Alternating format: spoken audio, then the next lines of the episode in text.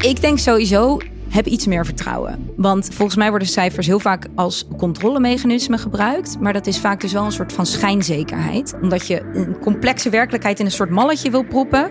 Waar vaak je werknemers dan niet zoveel mee kunnen.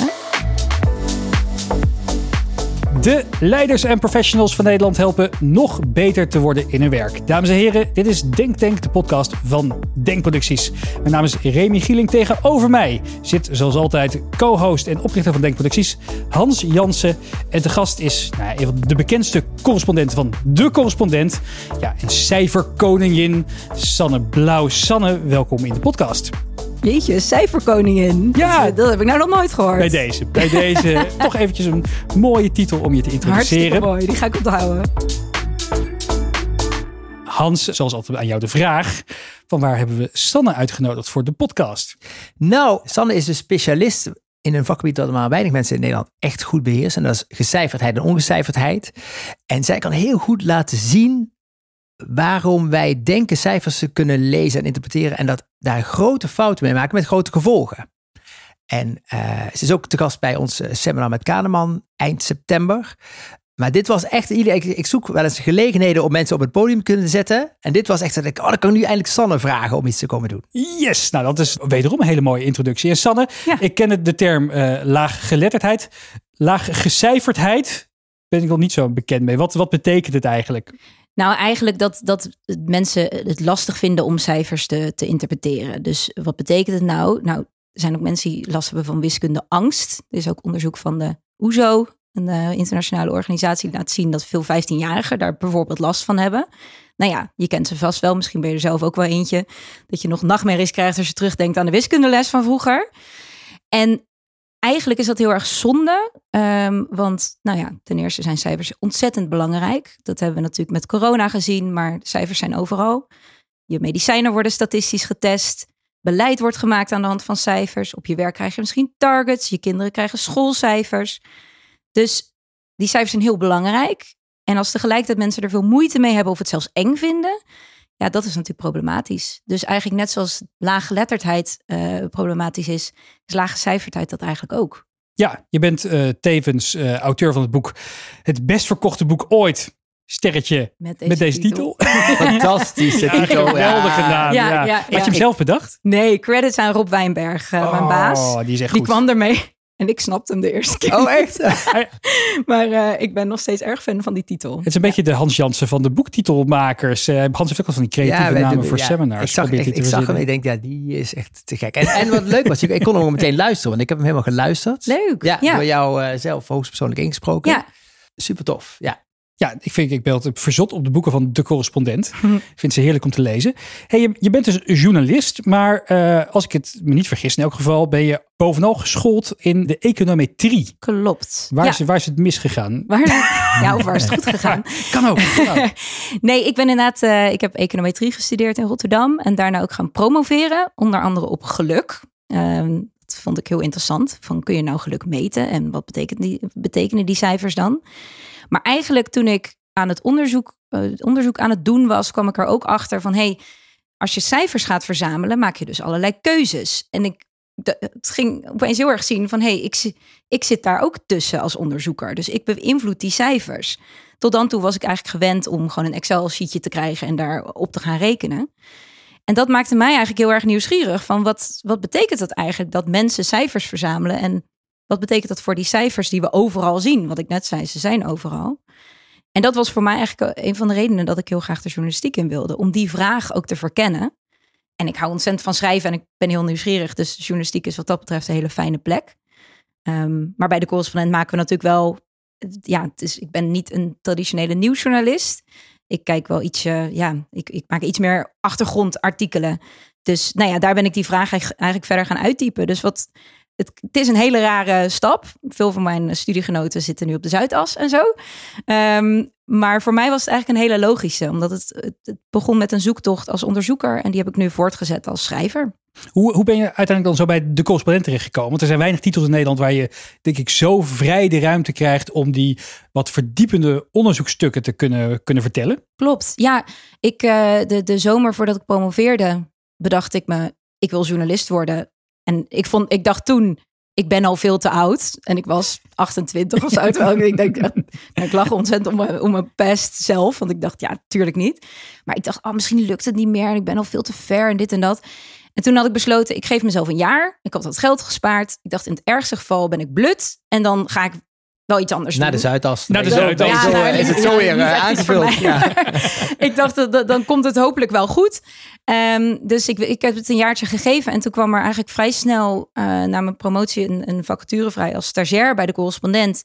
En toen dacht ik, ja, ik stuur maar iets op. Eh, ik ben waarschijnlijk een beetje te ver ja, als stagiair. De, collega bij wie ik solliciteerde was ook jonger dan ik. Dus nou ja, het, klopte niet helemaal. Maar ik dacht, dan moeten ze gewoon maar kijken naar mijn cv. En dan moet ik, weet je wel, dan nodigen ze me hopelijk uit. Nou ja, dat gebeurde. En eh, uiteindelijk ben ik een beetje gaan freelancen. Mocht ik een tijdje onderzoeksassistent zijn. En eh, ben nooit meer vertrokken. Dus zes jaar later werk ik er nog steeds. Nou, ben je spreker bij het eh, seminar met eh, Daniel Kahneman, Nobelprijswinnaar. Eerste keer dat je in een seminar zit met een Nobelprijswinnaar, denk ik. Ik ben een keer uit eten geweest met een Nobelprijswinnaar. Oh, Nog veel cooler. Dat is ook heel cool. Ja, en eh Nobelprijswinnaar op het gebied van speltheorie. Toen nog in Rotterdam zat. Wauw. En die was ontzettend aardig en relaxed en leuk. Dus ik. En daar ga je nu mee trouwen.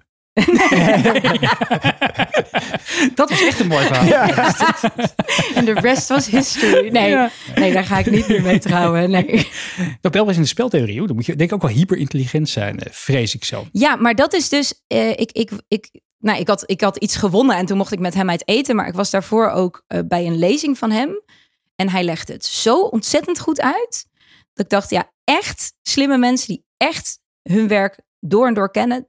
Die kunnen het beste uitleggen. Tenminste, dat is niet altijd zo. Maar hij legt het zo fijn, eenvoudig, toegankelijk uit. Dat ik echt dacht, wauw. En toen, een dag later, kon ik het totaal niet meer reproduceren natuurlijk. Maar goed. Dus, en, en ik vermoed dat Kahneman ook wel een beetje zo is. Ik vind hem altijd zo, hij is altijd zo eerlijk. Hè? De, eh, eh, we hebben wel eens aan het eind van zo'n seminar bijvoorbeeld, dan, vraag, dan eh, stelt de, de moderator wel eens de vraag van, goh, ehm, eh, je hebt nou allemaal heel veel inzichten opgedaan. Waar moet je nou beginnen om dit toe te passen? Hè? En, en vaak zegt iemand dan, nou, dan moet je de dag daarna door je aantekeningen lopen en zo. En dan moet je even hè, één actiepunt voor jezelf elke week. En hij kijkt je dan aan en zegt hij, Hmm, I do not have specific knowledge on this field, so I cannot, I'm not entitled to answer that question. Top. Top, hè? En, eh, en hij zei ook wel fantastisch. Hij zei dat het eh, volgens mij een beetje de. eh, hij zei, sinds ik de Nobelprijswinnaar heb, eh, ben, denken mensen dat ik overal verstand van heb. Of Ja. van het weer. Van, hè? Dus Ja. er lijkt een soort aura over je heen dat alles wat jij zegt, dat het ineens waardig is. Was je zijn werk al tegengekomen in jouw studie econometrie? Ja, eh, tijdens mijn promotie kwam het langs. Dus toen kreeg ik een vak in prospect theory. Dat is eh, eigenlijk de theorie die hij samen met Amos Tversky eh, heeft bedacht. En die eigenlijk afwijkt van de traditionele economische theorie, waarin iedereen ontzettend rationeel is en denkt in expected utility. Ehm, dus daar begon het eigenlijk. En ja, sindsdien, Kahneman is overal in mijn vakgebied. Want ja, als je het ook hebt over cijfers, daar spelen biases ook ontzettend veel rol- eh, grote rol. Dus ja, om Kahneman kan je gewoon niet heen. Wat, wat, wat, wat spreekt je het meest aan van zijn eh, uitgebreide oeuvre inmiddels? Nou, ja, er zijn allerlei losse voorbeelden natuurlijk. Maar ik denk eh, de boodschap dat je denken feilbaar is. En dus ook als je een, nou ja, ook zijn denken is feilbaar. Maar hij heeft ook in, in, in zijn onderzoek in de jaren zeventig... heeft hij dingen gedaan op congressen van collega's... met de meest briljante mensen die ook fouten maakten. Dus de boodschap dat iedereen kwetsbaar is voor dit soort fouten... dat is volgens mij heel belangrijk. En dat dat dus betekent dat je A, bescheiden moet zijn. Nou ja, wat hij dus is, ook als Ja, ik jou hoor. ja. Eh, en B, dat je, dat je goed moet werken aan je zelfkennis. Dus dat je moet begrijpen, hé, hey, wat gebeurt er eigenlijk in mijn brein als ik informatie voor mijn neus krijg? En dat is op mijn werk ook van grote invloed geweest, omdat dat met cijfers ook gebeurt. Ook statistici die alles fantastisch tot in de puntjes weten, maken fouten met cijfers. Omdat het over meer gaat dan alleen statistiek. Het gaat ook over psychologie. En dat is natuurlijk uiteindelijk wat Kahneman doet. Het is een psycholoog. Dus nou ja, een, iets als een confirmation bias, dat je heel erg op zoek gaat of, of informatie interpreteert, die, zodat het past in jouw straatje. Dat is van ontzettend grote invloed geweest op, op wat ik nu schrijf en hoe ik nadenk over cijfers. Maar eigenlijk gewoon dat idee, we zijn niet rationeel en we moeten onszelf met een korrel zout nemen. Dat is denk ik het allerbelangrijkste wat Kahneman uitdraagt. Ja, hij schrijft zelfs in zijn nieuwste boek Noise over het voorkomen van veel ja, grote fouten in organisaties. Dat juist de mensen met het hoogste IQ eigenlijk vaak het meest vatbaar zijn voor die biases eigenlijk. Ja, en dat is natuurlijk fascinerend, want die denken vaak zelf dat ze, dat ze daar vrij van zijn. Maar om het ook even in Kahneman-term. Kahneman heeft het in zijn in het vorige boek over systeem 1 en systeem 2. Dus 1 is echt je intuïtie, je gut feeling. Dat is ook als je lang auto rijdt, hoe je auto rijdt bijvoorbeeld. Dan denk je niet elke keer, oh, nu moet ik naar links sturen. Dat, dat doe je op een gegeven moment gewoon. Systeem 2 is het veel meer ja, het nadenkende, het meer logische, het iets tragere systeem waarin je nadenkt. En ik denk, maar ik weet niet of, of Kahneman dat ook zo schrijft, dat dat veel slimme mensen, die hebben natuurlijk een heel goed systeem 2, want die weten alle argumenten en die kunnen nadenken. Maar die kunnen het dus ook heel goed hun eigen kant op hoeren. En dat is volgens mij wat vaak gebeurt. Want je brein is natuurlijk soms werkt dat een beetje als een advocaat. Je zoekt naar alle stukjes bewijs die jou vrijpleiten. Um, ja, en hoe, hoe slimmer je bent en hoe meer informatie je hebt, hoe meer tools je ook hebt om dat dan te doen. Dus ook slimme mensen, die moeten zichzelf wel even goed in de spiegel aankijken. Nou, het afgelopen jaar heb je veel geschreven over corona. Nou, je noemde het net al eventjes, beleid wordt ook altijd gebaseerd op statistiek en cijfers. Ja, wat waren je bevindingen in coronatijd? Ja, ja, jongen. Um, nou ja, hebben we een uurtje? In, heb je even. Nee, natuurlijk hoefde ik, als het al moest, hoefde ik uh, vanaf maart 2020 eh, niemand meer te overtuigen van het belang van cijfers. Want cijfers bepaalden opeens alles. Of je naar naar je werk mocht, of je naar een begrafenis mocht, of je mocht trouwen. Nou ja, ons hele leven werd eigenlijk bepaald door die cijfers. En dat maakt ze natuurlijk heel belangrijk. En je, nou ja, net zoals bij het WK, we altijd 17 miljoen uh, bondscoaches hebben, hadden we toen opeens 17 miljoen statistici. Want iedereen begon met cijfers. Uh, die, die begon zelf te analyseren. Ik, kreeg, ik had een inbox vol met mensen die met cijfers aan de slag waren. Wat ik natuurlijk aan de ene kant heel tof vond. Want ik dacht, yes, weet je wel, ik, ik ben van de cijfers. Dus ik vind het alleen maar fijn als mensen mee aan de slag gaan. Maar ook daar liggen die biases weer heel erg op de loer. Want corona raakt ons allemaal. De, ene was ontzettend bang. Dus die wilde laten zien, nou, bijvoorbeeld, ik weet niet of je het nog weet, maar op begin van de, van de pandemie ging een tabel viral die liet zien dat eigenlijk het traject dat we als Nederland insloegen heel erg leek op dat van Italië. Nou, overal op Instagram slingerde dat rond. Met de boodschap: we moeten oppassen, we gaan Italië achterna nou ja, als je in die cijfers dook, zag je dat dat heel erg gecherrypicked was. Dus die datareeksen waren zo naast elkaar gelegd dat het heel erg leek alsof het hetzelfde was. Maar dat was eigenlijk helemaal niet zo. Nou, dat kwam heel erg uit de koker van mensen die heel bang waren. Dus die wilden laten zien, oh nee, we, we moeten iets doen. Nou, je had natuurlijk ook mensen die, die juist dachten, nou, het is maar een griepje, dit en dat. En ook die gingen met de cijfers aan de haal. En niet, ik bedoel, soms kloppen die uitspraken ook. Maar daar zag je heel erg dat waar mensen vandaan kwamen, waar ze bang voor waren, dus eigenlijk juist de emoties, dat die ook heel erg beïnvloeden hoe ze vervolgens met die cijfers aan de haal gingen.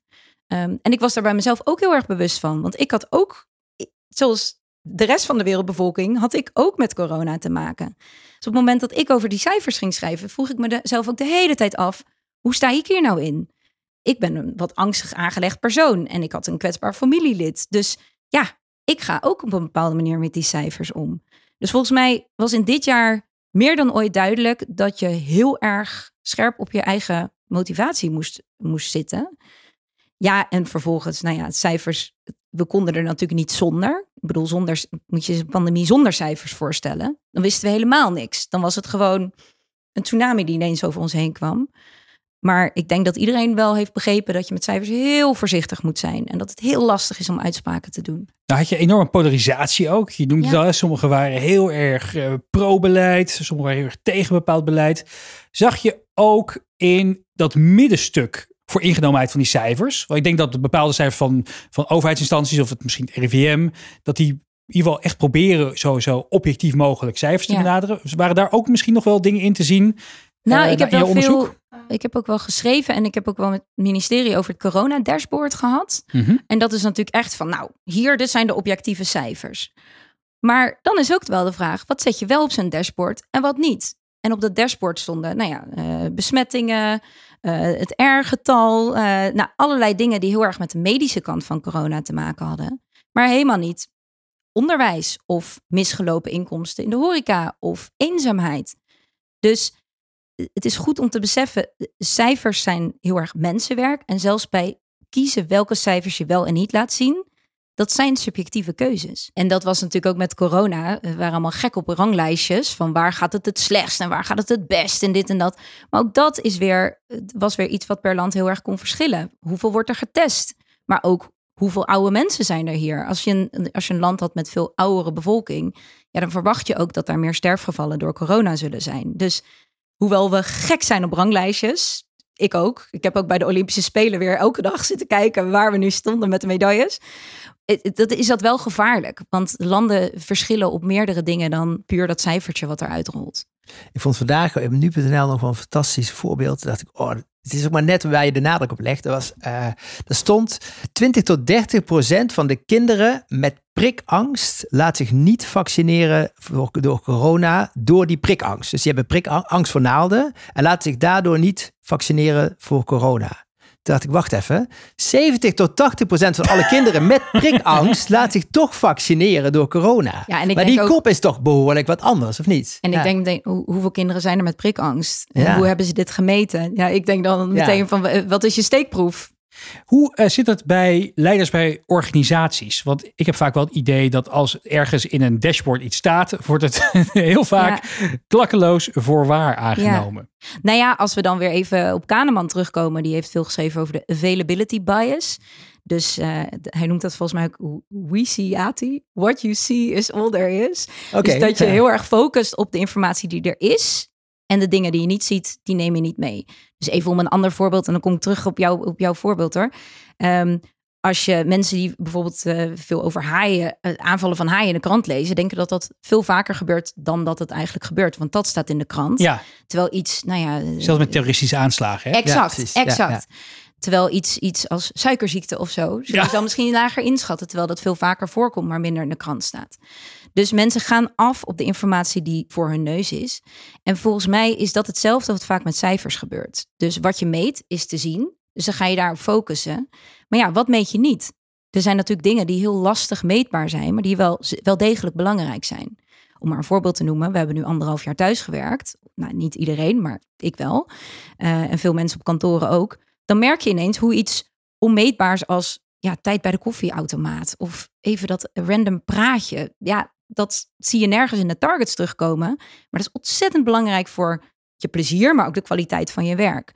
Dus volgens mij wat het gevaar is bij bedrijven, maar ook bij de overheid en volgens mij alle grote organisaties, want die willen graag cijfers gebruiken om een soort houvast te creëren, omdat het te groot is om met iedereen te kletsen. Dus dan maar cijfers.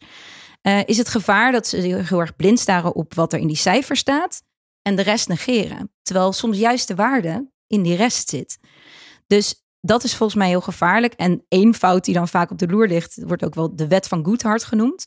Goodhart was een econoom en die zei: op het moment dat je een maatstaf tot een target maakt, dus als je erop gaat richten en je wilt dat verbeteren, ja, dan is het eigenlijk al geen goede maatstaf meer.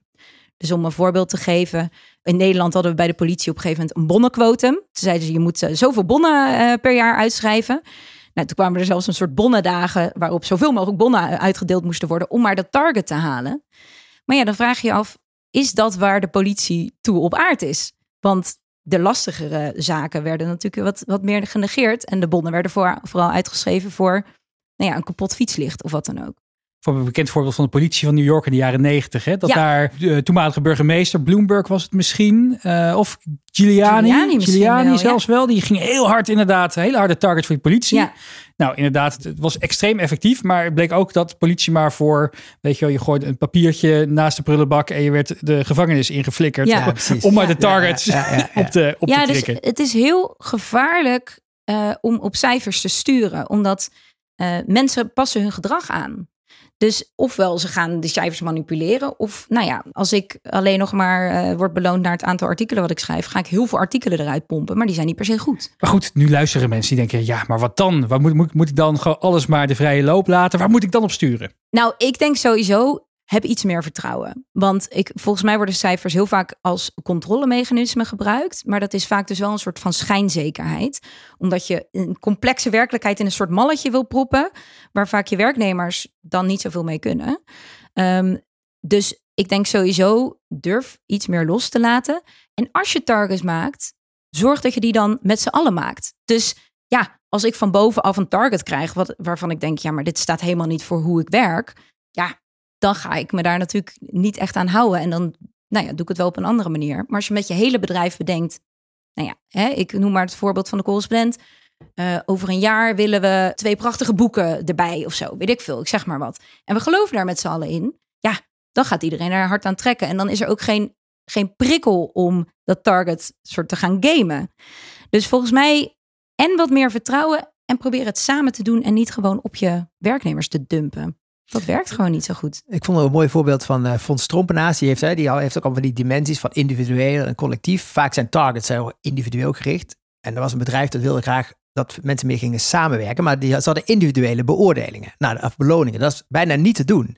Wat hebben ze toen gedaan? Toen hebben ze dus een individuele beloning ingesteld. op de bijdrage die jij hebt geleverd aan de teamgeest en het teamresultaat. En dat werkte dus gewoon. Want iedereen toch zijn individuele beoordeling. Maar het was allemaal gericht op samenwerken en teamgeest. Dat, ja. Het kan dus wel. Ja. Maar je moet iets creatiever kijken naar de targets en de doelen die je stelt. En volgens mij moet je onthouden, uh, Einstein, hè, daar is hij, het grote brein. Die had uh, naar verluid op boven zijn bureau hangen van niet alles wat telt is te tellen. En niet alles wat te tellen is telt.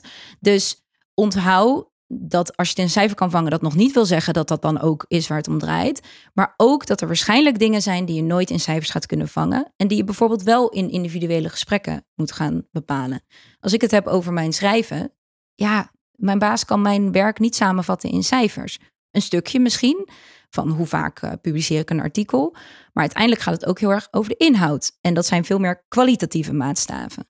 Dus ik ben totaal niet anti-cijfers, maar volgens mij moeten we een beetje oppassen dat we heel erg doorslaan en denken: het moet allemaal alleen maar met cijfers. En de cijfers spreken de waarheid. Want uiteindelijk is de werkelijkheid gewoon iets te complex om het allemaal nou ja, in rijtjes en kolommetjes te kunnen proppen. Cijfers eh, sluiten natuurlijk ook heel erg aan op het uh, systeem 1 en systeem 2 denken. Eigenlijk zijn het soort cijfers heel erg bedoeld voor je snelle brein. Even je snackable content, even iets heel complex samenvatten.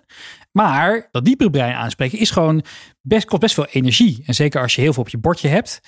Hoe moet je daar als leidinggevende mee omgaan? Je moet ook een beetje filteren waar je je tijd wel en niet aan besteedt. Ja, nou ja, eh, nogmaals, uh, durf ook te vertrouwen. Dus volgens mij hoef je niet alles te weten.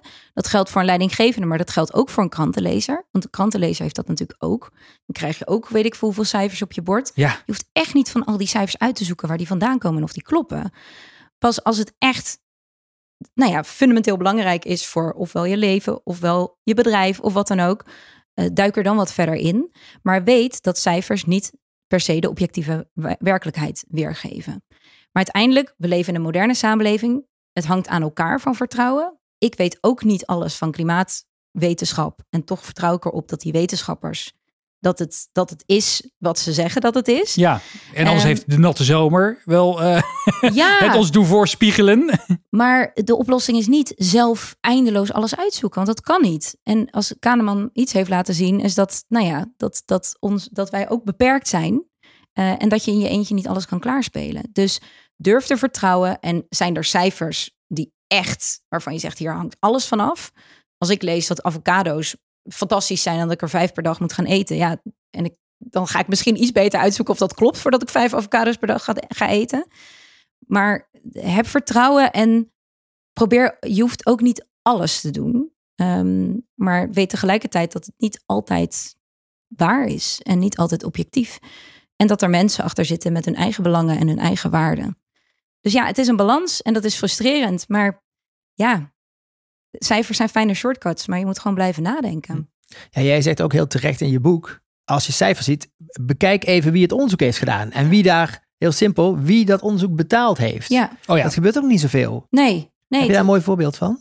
Ik heb er wel een mooie. Ja? Dat, Oh, eh, ja. dat heel veel mensen die, die, die, die geloven er heilig in dat ontbijt de belangrijkste maaltijd van de dag is. Mhm. Dat is een onderzoek geweest dat er was betaald door Kellogg's. Ja, Ja, de universiteit dat was gewoon de oprichter van Kellogg's had een soort onderzoeksbureautje of universiteitje opgericht eh, eh, en die heeft dit onderzoek gedaan. En de schijf, van vijf, geleden. ja, de schijf van vijf is ook, opge, is ook betaald door de vijf eh productschappen van, de, van het ministerie van Landbouw. Ja. Echt fantastisch. Denk, oh hè, ja, ongelooflijk. Joris Driepitter was van de melk. Maar dat je net vijf soorten voedingsstoffen binnen moet krijgen. is gewoon betaald door het door de vijf potjes van het ministerie. Ja, en wie betaalt, Ja. bepaalt. Ja, dus het is altijd oppassen.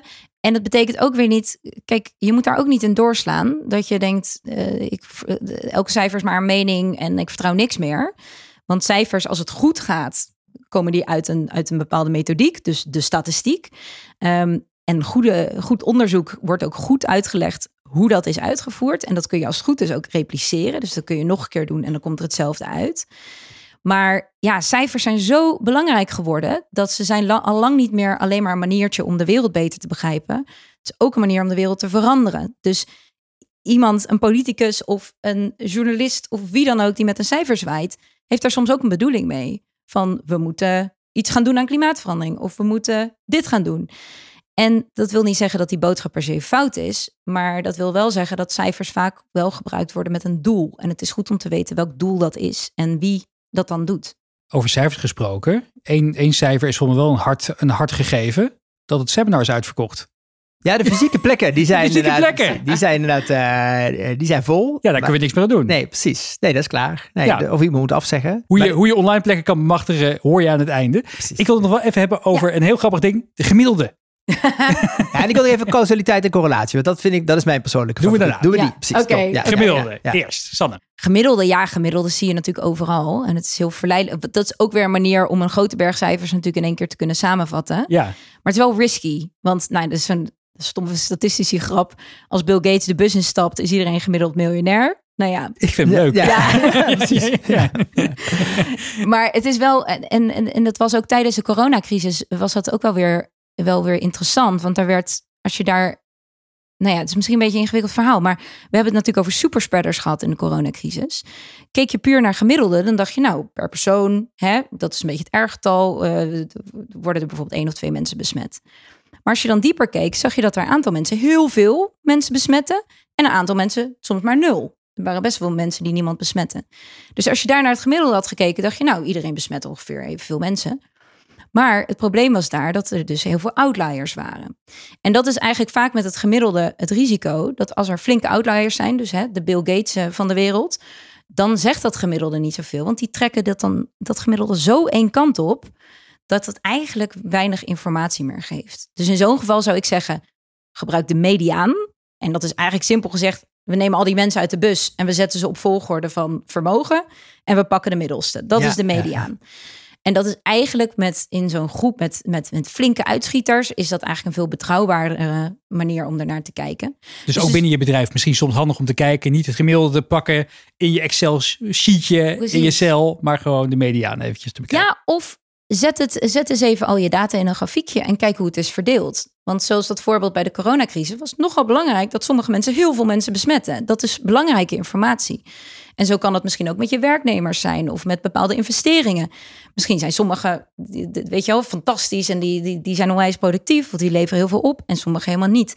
Dus het liefst wil je niet naar het gemiddelde kijken, maar ook naar de verdeling daarvan. Ja, precies. Dus gemiddeld levert de klant me een ton op. Maar uiteindelijk blijkt, blijkt, dat heel, heel, blijkt er een enorme grote klant te zitten. Precies, en misschien wel een paar die helemaal nul Ja, of negatief. Negatief eh, ja. rendement opleveren. Dus kijk altijd ietsje verder. En dat is volgens mij sowieso, dat is ook les 1 die je leert als je, als je statistiek gaat bedrijven. Eh, Heb je data, zet het gewoon eens in een grafiek. Ga er eens naar kijken, ga ermee rommelen.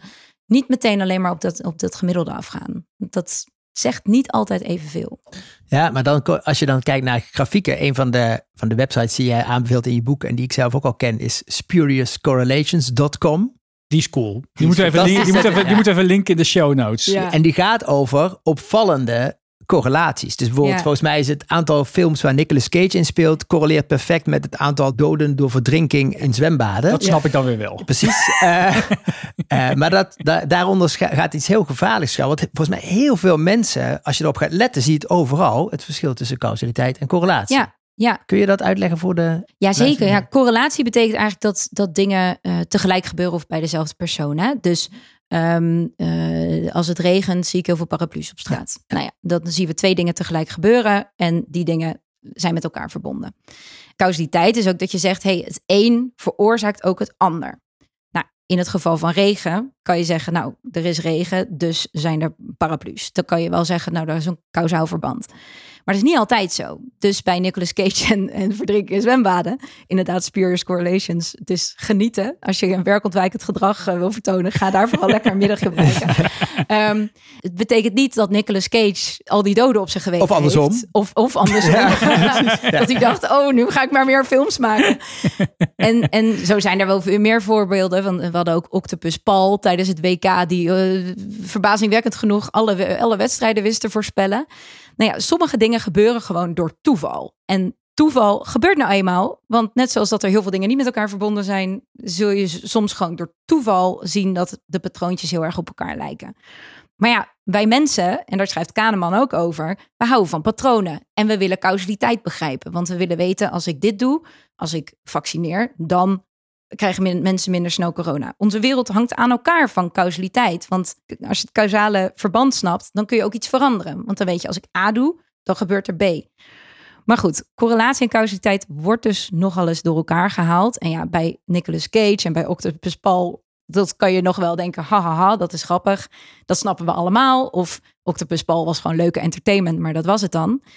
Maar je ziet bijvoorbeeld ook, uh, waar ik in mijn boek ook over schrijf, onderzoekers hebben een kookboek gepakt en daar een soort van alle belangrijke ingrediënten uitgepakt en gekeken, is dat geassocieerd met kanker of niet?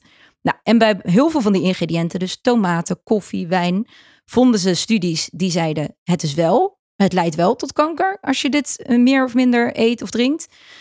En ook studies die zeiden: het leidt juist niet. Het is juist goed voor je. Dus een minder kans op kanker. Ja. Dus zij vonden een verband, maar uiteindelijk was dat waarschijnlijk puur toeval, omdat ze gewoon gingen zoeken en uiteindelijk vind je altijd wel iets. Dus dat is zo'n voorbeeld van pas op met correlatie en causaliteit. Eén reden dat je dat, dat je, nou ja, ik noem dat dan een kulcausaliteit, causaliteit die er eigenlijk niet is, dat je die ziet is toeval. Een andere is dat het eigenlijk andersom is. Dus ik kan zeggen, oh, al die mensen die hebben paraplu's, dus nu gaat het regenen. Nee, uh, de regen leidt tot paraplu's en niet andersom. Maar de belangrijkste eigenlijk is dat je factoren over het hoofd ziet. En dan zijn we weer terug bij corona. We kunnen er niet omheen. Dat, daar zag je dat ook heel erg. Dus mensen die wilden begrijpen waarom corona bepaalde landen heel erg raakte en andere landen niet. En die zeiden bijvoorbeeld, dat komt door de temperatuur. Warme landen uh, gaat het veel anders dan in koude landen. Of ze zeiden, komt door mondkapjes. Landen die mondkapjes hebben, daar gaat het veel beter dan landen zonder, waar ze niet de cultuur hebben met mondkapjes. Maar ja, ook daar zie je weer, er zijn veel meer andere factoren. Het zijn niet alleen de mondkapjes, niet alleen de temperatuur. Het is ook het zorgsysteem, het is manier van meten. Het, is, het zijn allerlei dingen. Dus het is heel verleidelijk om te zeggen A en B of A leidt tot B. Maar vaak is de werkelijkheid veel complexer. Dus correlatie en causaliteit, als je op gaat letten, je ziet het overal. Want we willen gewoon graag weten hoe dingen werken in de wereld. Maar het is niet altijd even makkelijk om dat ook te zien en te onderzoeken. En dan kom je ook op die bescheidenheid. Ja. ja, precies. Van, soms weet je het ook gewoon niet. Nee. Ja. En de wereld is ingewikkeld. Dus laten we dat niet vergeten. Wordt ook al gezegd, als je maar een grote dataset pakt, dan vind je altijd wel iets erin. Exact, ja, exact. Nee, dat, daarom is het ook problematisch als je allemaal data verzamelt en daarna eens even gaat zoeken wat, wat het zegt. ja. Want dat kan interessant zijn om een beetje te exploreren. Maar vervolgens moet je dat dan wel een beetje robuuster onderzoeken. Want jij vindt altijd wat.